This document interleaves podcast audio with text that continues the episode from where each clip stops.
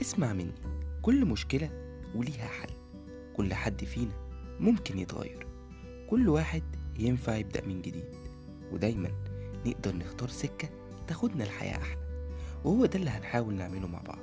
أكون معاك وأنا كيلو راجي كل يوم اتنين الساعة عشرة مساء في بودكاست اسمع مني. يا مساء الفل معاكم أنا كيرو راجي وحلقة جديدة من اسمع مني. موضوع النهاردة من المواضيع اللي أنا بحب بصراحة أدخل فيها. آه، أنا بحس إنها من المشاكل اللي بتهم ناس كتير قوي في حياتها. لأنها تجربة آه، مش عايز أقول ظاهرة ولكنها تجربة منتشرة جدا حوالينا. الطلاق عندنا أو في مجتمعنا أصبح أو تقدر تعتبره مرحلة ما بعد الجواز. عارف انت كده فيلم الناظر لما قال له وماذا يحدث بعد الجواز؟ قال له يحدث طلاق. آه هو ده بالظبط اللي بقى ماشي في أغلب علاقات الجواز حوالينا. تحس كده إنه تسلسل منطقي. زي ما الشخص كده أو زي ما الواحد مننا بيخلص مدرسة فيدخل الجامعة يخلص الجامعة فيتجوز فدلوقتي بقت يتجوز ويطلق. كمان قرار الطلاق ما بيجيش كده. مفيش طلاق من غير مقدمة. الناس بتتصور إن الاتنين دول اتطلقوا فجأة. حالات الطلاق المفاجئ دي مش هقول إنها مش كتيرة ولكن بيبقى ليها تراكمات من البداية. آه، طبعا ده بعيدا عن إن آه، بتحصل حادثة كبيرة أو موضوع كبير زي الخيانة مثلا والطرف التاني ما يقدرش يسامح أو مش هيرضى يسامح أو مش هيقدر يكمل فبيتطلق. بس أنا بتكلم في الحالات الشائعة أكتر. الحقيقة إن الطلاق بيبدأ من بين الاتنين وهما لسه متجوزين. المرحلة بتاعة الورقة دي آخر مرحلة أو دي المرحلة اللي الناس بتشوفها بتبقى معلنة. الحقيقة كمان إن في ناس كتير عايشين تحت سقف واحد بعقد جواز لكنهم في واقع الأمر متطلقين. العلاقة بين الاتنين بتبدأ تبوظ أو تقدر تقول عليها هي مقدمة الطلاق أول ما بيقل الحب والتفاهم والمشاركة والاحترام. أول ما تلاقي بيزيد الإهمال والجفا فتلاقي خناقاتهم مثلا بقت بتطول بالأسابيع وبالشهور وكل واحد منهم عمال يشيل جواه من التاني وكل واحد فيهم جواه إحساس بإن آه لحظة الطلاق أو قرار الطلاق ده أصبح ملح أو على الأقل بقوا بيفكروا فيه. خلينا نتفق على حاجة. الطلاق تجربة بتاخدها أحيانا كتير وأنت مضطر أو على الأقل في أسباب كبيرة هي اللي زقتك على القرار ده. منطقيا كده مفيش حد بيبقى عايز يهد حياة لو هو سعيد فيها. مفيش حد هيبقى عايز يسيب شخص وهو مبسوط معاه ومرتاح معاه والعلاقة دي مسبباله أمان وسعادة وراحة. والطلاق زي ما ممكن يكون في بعض الحالات أسلم قرار لكن طبيعي جدا بيكون مع المكاسب دي في بعض الخسائر. آه، ولو مش مادية فهي هتبقى نفسية وعاطفية. الطلاق في مجتمعنا وده مش هنختلف عليه إنه محتاج إعادة نظر للفكرة نفسها. وحوادث الطلاق في مجتمعنا معظمها تفتقد لأمر آه، خليني أقول عليه ثقافة الانفصال. آه، كل العلاقات اللي بتمر بتجربة الطلاق حتى لو كان يسبقها حب كبير في الجواز أو عشرة كبيرة بتنتهي توتال لوس يعني بيخرجوا الاتنين أو الطرفين من علاقتهم الآدمية حتى مش العاطفية آه، متدمرة تماما. الطلاق دايما في طرفين. بيتفقوا إنهم ما يكملوش أو حتى ما بيتفقوش وما بيكملوش برضه. صحيح في راجل مثلا أو ست ممكن يتطلقوا بالتراضي ويحافظوا على آه، العلاقة المحترمة اللي ما بينهم. وفي ناس تانية وهم الأغلبية للأسف وهم اللي بيتطلقوا آه، بعد ما يبهدلوا بعض في المحاكم بعد ما الست دي تجبر أو تضطر إنها تتنازل عن حقوقها. بعد ما الراجل ده يذلها سنين عشان تاخد حريتها منه. آه، أنا شخصيا عقلي ما بيستوعبش فكرة إن ممكن راجل وست آه، يبهدلوا بعض في المحاكم ويبهدلوا ولادهم بعد ما كانوا بيناموا في سرير واحد مهما كانت أسبابهم. جايز المشكلة عندي أنا ولكن أنا بفكر كده.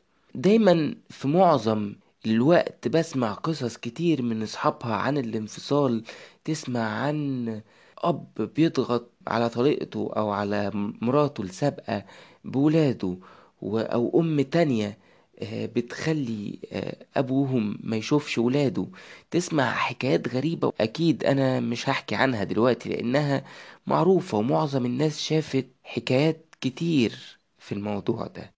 كان في إحصائية بالمناسبة كده منشورة على جريدة اليوم السابع من قريب بتقول إن نسبة الطلاق وصلت لأعلى معدلاتها في آخر خمسين سنة والمدهش إنهم بيقولوا إن نسبة كبيرة من حالات الطلاق دي تمت بالخلع والنسبة كانت تقريبا حوالي أربعة وتمانين في المية. آه وقالوا كمان إنهم لقيوا إن في علاقة عكسية بين الطلاق وبين آه مدة الحياة الزوجية. يعني كل ما طال عمر الجواز قلت نسبة الطلاق. وده أعتقد باين جدا حوالينا في نسب الطلاق الكبيرة اللي بنشوفها في جوازات أوقات ما بتكملش سنة أو سنتين. وكلنا حوالينا ناس فجأة بتلاقيهم غرقوا الفيسبوك والإنستجرام آه، بصورهم مع بعض وصور فرحهم وال honeymoon و relationship goals وفجأة تلاقيهم مسحوها. أو أعلنوا رسميا انفصالهم. آه، مشهور قوي الموضوع ده أنا عارف لو ركزتوا فيه هتلاقوه. آه، وخد عندك مثلا في جريدة الدستور برضو كان في مقال منشور عن موضوع نسب الطلاق ده وأنا بدور ولفت انتباهي حاجة إنه بيقول آه، مسؤولين عن الإحصاء في الدولة قالوا إن في 580 حالة طلاق يوميا. بمعدل 24 حالة طلاق لكل ساعة بين المصريين.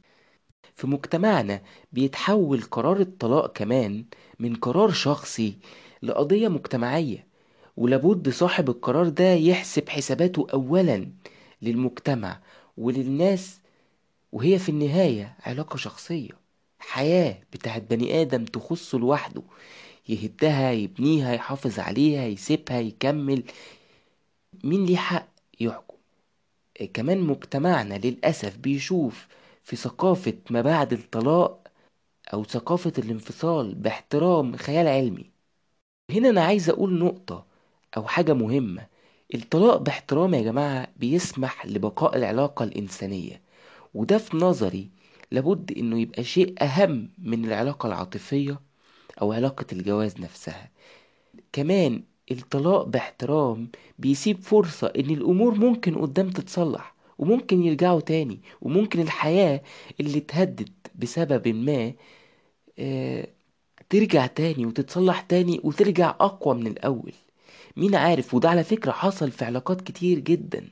كمان من ضمن الحاجات اللي اتكلمت عليها أنا شخصيا في مقالاتي كتير أنا معرفش ليه مجتمعنا بيشوف الست المطلقة وكأنها صاحبة تهمة لدرجة إن بعض الستات دي بتخاف تقول في شغلها أو قدام الناس أو آه، في الدايرة البعيدة عنها شوية المعارف الصحاب من بعيد إنها مطلقة.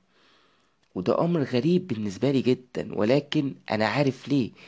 لأنه مجتمعنا بيحط في وش الست المطلقة معاناة وحرب بتظهر من أول ما بتاخد قرار الطلاق. أولا وهو بعبع الناس هتقول عليكي إيه؟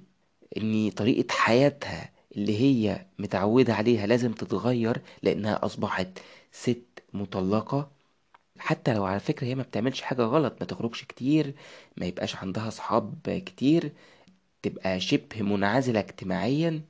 والمعاناة التانية أو الأكتر بتبقى من المحيطين بيها اللي بدل ما يقدموا لها الدعم في المسؤوليات اللي بقت شايلاها أو في المشاكل اللي بتمر بيها بيحملوها هم أكتر بمشاكل وضغوط هي في غنى عنها. كمان من الحاجات اللي بتخوف الست وهو السوفت وير اللي نازل عند أغلبنا من الرجالة وهي إن الست المطلقة إنسانة مستباحة. أو صيدها سهل وحلال. لكن خليني أقولك إن معلومة كده ممكن تفيدك آه، لمرضى العقول والنفوس اللي بيفكروا بالطريقة دي. يعني إن الست المطلقة حضرتك آه، فرصة خداعها في راجل مرة تانية بتبقى صعبة حبتين منطقيا كده. وأغلبية الستات بعد ما بيمروا بتجربة تؤدي إلى طلاقها تقريبا يعني بتقفل من من جنسنا تماما. ده غير بقى ثقافة الأهل اللي بيشوفوا ابنهم هيرتكب مصيبة في حقهم وحق نفسه لما يقرر يتجوز واحدة آه، سبق لها الجواز قبل كده. طب اشمعنى الراجل المطلق ما بيتعاملش نفس معاملة الست المطلقة؟ يعني ده من حقه يتجوز ودي مش من حقها تتجوز ده بني آدم ودي بني آدمة ده من حقه يتجوز ودي من حقها تتجوز. آه أنا فاكر في من كام شهر كده كنت آه في interview مع آه المذيعة الجميلة اللي أنا بحبها رضوى الشربيني آه وكانت سألتني بخصوص هاشتاج كان منتشر يعني وهو عن إنك تتجوز مطلقة.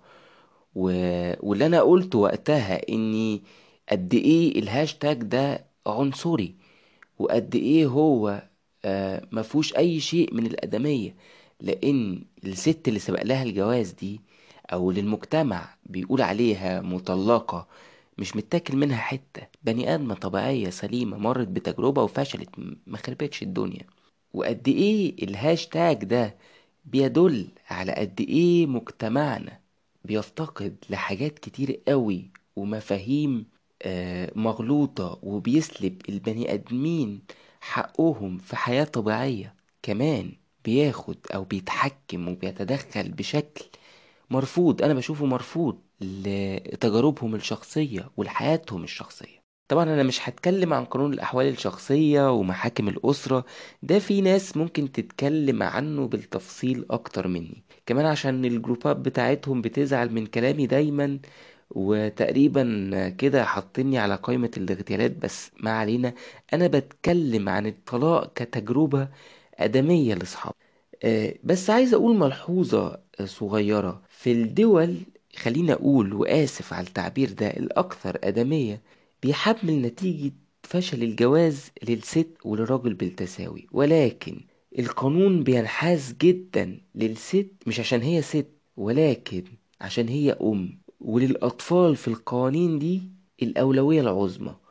وده في نظري قمة العدل. فبالتالي بيأمن الأم من شرور الراجل ده لدرجة أحيانا البعض بيشوفها فيها ظلم للراجل ولكنها في النهاية المصلحة بتيجي للأطفال واللي هم عادة بيبقوا من أكتر المتضررين في حوادث الطلاق. حواديت الطلاق حوالينا عاملة زي حدوتة واحدة واتعمل منها عشرين ألف فيلم بمعنى إنها نفس القصة مع اختلاف الشخصيات وتفاصيل الأحداث. وأنا مش عايز أدخل قوي في أسباب الطلاق لأنها كتيرة ومعقدة و... والكل قصة آه، أسبابها. ولكن خلينا برضو نعدي على بعض الأسباب كده بسرعة. من واقع حياتي والقصص اللي بشوفها واللي عشت كتير منها مع أصحابها كانت أسباب الطلاق يا إما عاطفية أو إنسانية أو مادية. من ضمن أسباب الطلاق إننا ما بنحطش من الأول احتمالات لفشلنا. أنا عارف إن الكلام ده ممكن يكون غريب شوية ولكن مفيش اتنين بيتكلموا مع بعض أول ما بيقرروا يتجوزوا ماذا لو فشلنا؟ أو هنعمل إيه لو ما قدرناش نكمل؟ وبالتالي كل واحد فيهم بيبقى داخل عنده فكرة وردية عن الجواز وعن الحياة بعد الجواز فبيخبط في الواقع وتبدأ المشاكل. ومش بنحط احتمال الفشل علشان إحنا وحشين أو علشان إحنا مش بتوع مسؤولية ولكن علشان إحنا بني آدمين كلنا معرضين للفشل في أي لحظة وفي أي حاجة بنعملها. الحقيقة يا جماعة إن العلاقة حتى لو استمرت سنين قبل الجواز فهي بعد الجواز بتدخل العلاقة دي في امتحان. وامتحان كبير جدا كمان. والأغلب أو الأغلبية ما بيعدوش منه. وهنا ما بيبقاش الحب وحده يكفي. حب من غير توافق يبقى مجرد مشاعر حلوة لكن لا تصلح لأنها تكون علاقة حقيقية أو يتبني عليها حياة ما بين اتنين. الاتنين كمان لما بيتقفل عليهم باب واحد بتبدأ تبان الحقيقة الفعلية لكل واحد منهم. بيبان التوافق الحقيقي اللي بينهم بيبان الاحترام والحب الحقيقي اللي في قلوبهم أو اللي جواهم تجاه بعض. كمان لا شك طبعا إن الضغوط المادية كمان ومسؤوليات الحياة اللي أصبحت كتيرة جدا وصعبة في وقتنا ده بتلعب دور كبير في حوادث الطلاق.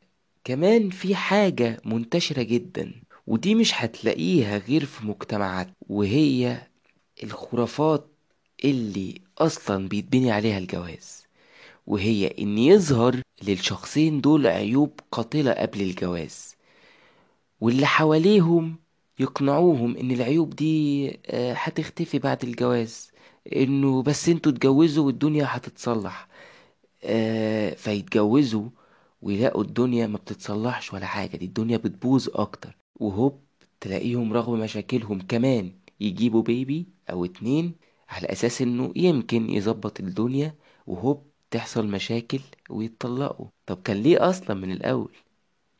زي ما قلت لك إن قصص الطلاق عاملة زي حدوتة واتعمل عليها عشر تلاف فيلم. فأنت كمان هتلاقي نهايات العلاقات دي أو أنواع الطلاق حواليك واحدة تقريبا.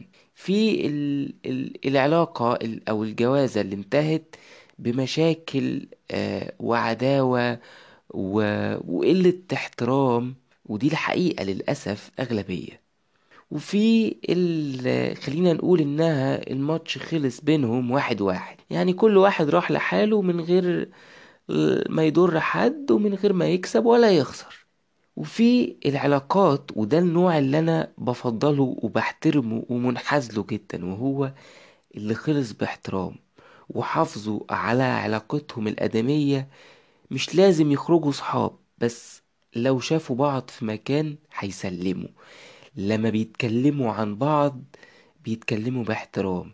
لو بينهم ولاد فهم عارفين ينظموا شكل العلاقة بينهم على أساس إن هم يقللوا الضرر على أولادهم وقادرين يستوعبوا إن ده أبو ولادها ودي أم ولاده. وده النوع الحقيقة اللي أنا بقوله شابوه لأنه حط الاعتبارات الإنسانية فوق كل شيء. كمان قرار الطلاق بيجي بطريقتين يا إما عن اقتناع فهو قرار بالعقل آه، إن العلاقة دي في أسباب معينة تمنعها إنها تكمل. وأصلا هتلاقي الجوازة دي ما كانتش مبنية أصلا على حب. وفي طلاق مع الحب. يعني في مشاعر وفي حب لكن في أسباب كبيرة تمنع العلاقة دي إنها تكمل. وصاحب أو النوع ده من الطلاق بيبقى أصعب لأني صاحب التجربة مش بس هيتحمل آه، مسؤولية الطلاق وعواقبه المجتمعية ومسؤوليات الحياة بعدها لو في ولاد مثلا ولكن هيبقى كمان بيواجه قصادها أو كمان معاها مشاعره. هتلاقي الشخص ده بيحنله كتير بيوحشه. هيفضل كل شوية تخبطه. الذكريات الحلوة والمواقف الكتير اللي كانت بينهم هيفتقده في حياته. هيبقى كتير قوي عايز يرجع تاني للشخص ده. آه، لسه بيغير عليه لسه بيتابع أخباره وهكذا. والثقافة الدارجة حوالينا إن الراجل بيعتبر علاقته آه، بزوجته السابقة على رأي عمرو دياب ما بيقول كده تجربة وعدت وتعدت من ضمن تجاربي. باب واتقفل مش بس تجاهها هي كإنسانة أو كزوجة يعني ولكن اتجاه التجربة كلها. وبعض الرجالة بيعتبروا مع موضوع الطلاق كأنه إخلاء طرف بيسلم فيها عهدته للست ويرمي لها مسؤولياته ويقول لها شيلي انت بقى لوحدك. آه وتحديدا لو كانت هي يعني اللي اختارت الطلاق فاللي هو كنوع من العقاب. اتفضلي بقى وريني هتشيلي إزاي. وفي البعض لو التزم سنة مش ما بيلتزمش التانية ويبدأ يقل الموضوع تدريجيا لحد ما ينعدم ونوصل برضه لنفس النتيجة. وتحديدا لو دخل بقى في حياة تانية أو اتجوز تاني. بل وفي أحيانا خليني أحكي لكم عن الموضوع ده بشوف بعض الرجالة بيبقى قاصد آه خلينا يقول يشنكل الست ويبوظ لها حياتها كل ما تبدأ تتظبط أو يحطها في مشاكل عمدا علشان آه، يثبت لها إنها مش هتقدر تعمل حاجة من غيره أو لأنه كيفه يبوظ لها حياتها اللي هي اختارت آه، تمشي فيها لوحدها من غيره. ويبقى مستمتع جدا بمشهد إنها بتغرق قدامه. حتى لو بعضهم بيشوف ولاده ولادهم بيغرقوا معاها. وده بالنسبة لي أمر أنا عقلي شخصيا بيرفضه وبعتبره شيء ضد الرجولة. طبعا بتزيد عداوة الراجل هنا للست كمان لو بقت هي في علاقة تانية أو اتجوزت حتى لو كان هو كمان أصلا في الأصل اللي سابها. والحقيقة أنا برضو بشوف إن الراجل اللي بيقبل يخلي آه، ولاده يشوفوا أمهم وهي بتتبهدل قدام عينيهم أو آه، بتتهان عشان تاخد حقوقها أو حقوقهم منه هو شخص أبعد ما يكون عن الرجولة قولا واحدا يعني. بصوا يا جماعة خلينا نتفق إن الستات تحديدا في عصرنا دلوقتي بقت أجرأ في طلب الطلاق. في ناس بتشوف ده شيء سلبي ولكن أنا يمكن حسبتي تكون مختلفة شوية أو شايفه من منظور إنساني أكتر وهو إنه أي بني آدم راجل أو ست من حقه ما يكملش في وضع هو مش عايزه أو في علاقة بتأذيه. أو إنه يضيع عمره في علاقة هو مش عايز يكمل فيها أو مع شخص هو مش مرتاح معاه أو مع شخص بيهينه بأي شكل من الأشكال أو بيهمله لأي سبب كان. طبعا لابد أوضح برضو هنا إن أنا مش بشجع على الطلاق مش كل اتنين واجهتهم مشكلة يتطلقوا لأن يا جماعة العلاقات بتبقى محتاجة صبر محتاجة تضحية آه، محتاجة آه، مجهود.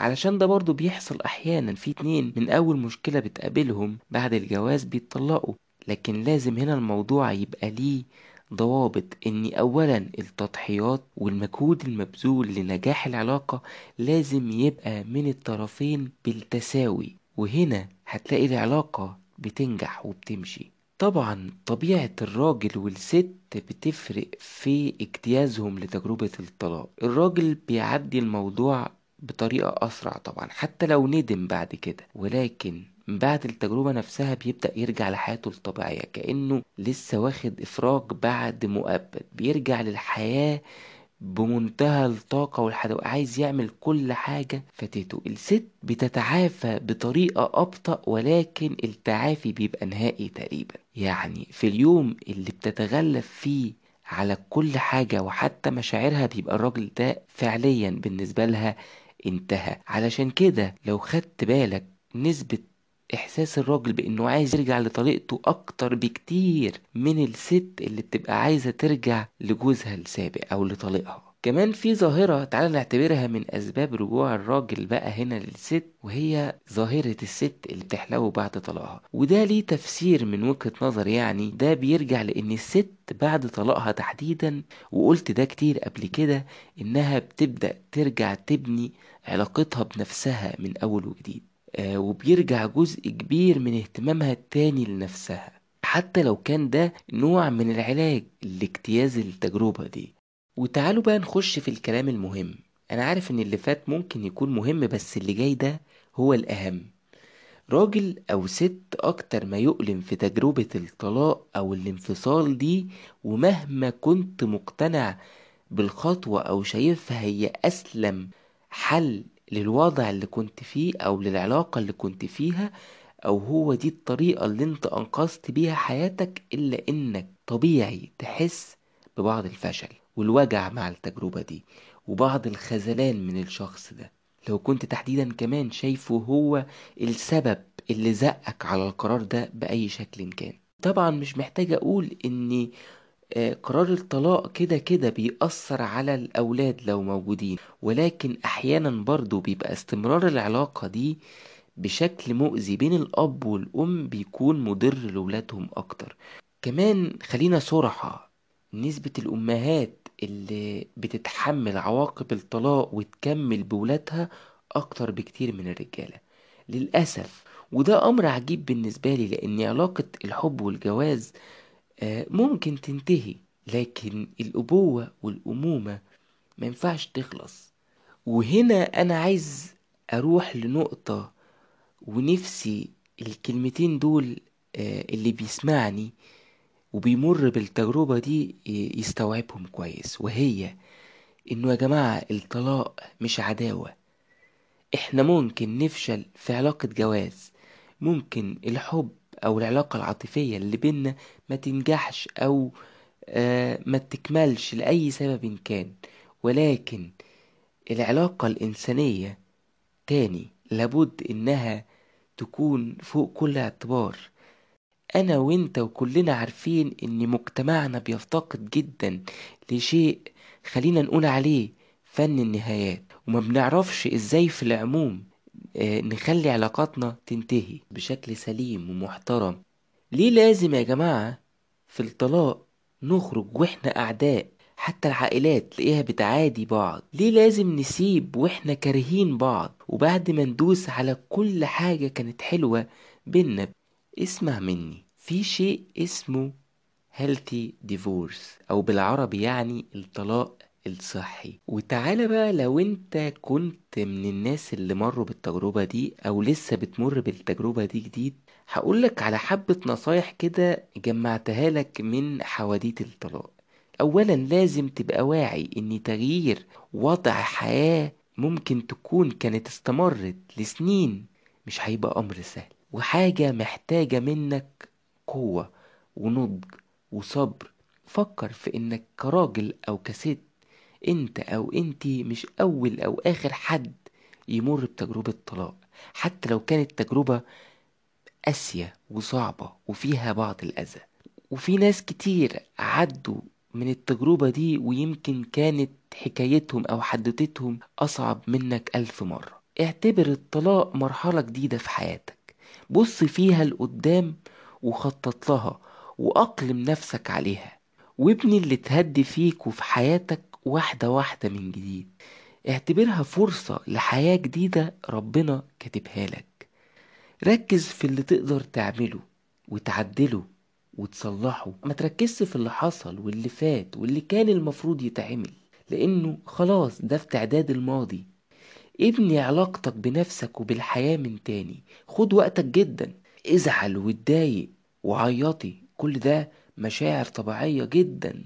ولكن من غير ما تلجأ لإحساس الندم كتير. وأوعى تدور على حب جديد وعلاقة جديدة أو تصلح علاقة بعلاقة. دي أكتر شيء ممكن تهد بيه نفسك أو تضر بيه نفسك هو الموضوع ده. النقطة اللي جاية دي الناس للأسف ما بتقبلهاش لكن اللي جربوها عارفين فعلا إنها أكتر حاجة ممكن تعدي التجربة دي من حياتك.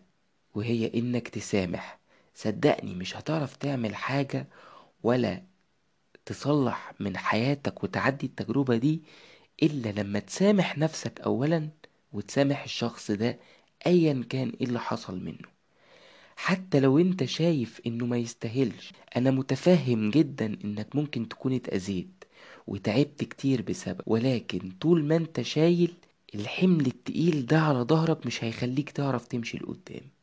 هتسامح نفسك وتسامح الشخص كمان مش عشان هو يستاهل يتسامح لكن عشان انت تستاهل تعيش مرتاح. حول نفسك أو حولي نفسك من ضحية في الحكاية لبطل فيها. ما تحاولش كمان ودي أنا بشوفها من أهم الحاجات اللي لازم تتعمل بالذات العلاقات اللي ناتج عنها أولاد. ما تحاولش تتكلم عن الطرف التاني وحش. ولا تفضل تحكي دايما القصة وتقلب في أوجاعها. وحاول تبذل كل جهدك إن العلاقة الإنسانية زي ما قلنا تفضل موجودة مع الطرف التاني وتحديدا لو ناتج عنها أولاد. لأنه في النهاية هو أبوهم وفي النهاية هي أمهم. قلت وهقول الطلاق تجربة زي أي تجربة في الحياة. صعبة؟ أكيد صعبة.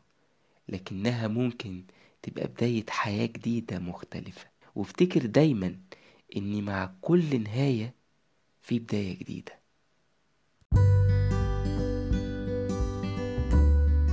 وبكده تكون خلصت حلقة النهاردة. هستنى طبعا كل آرائكم وتعليقاتكم على ال page بتاعتي على فيسبوك كيرو راجي أو على الإنستجرام كمان.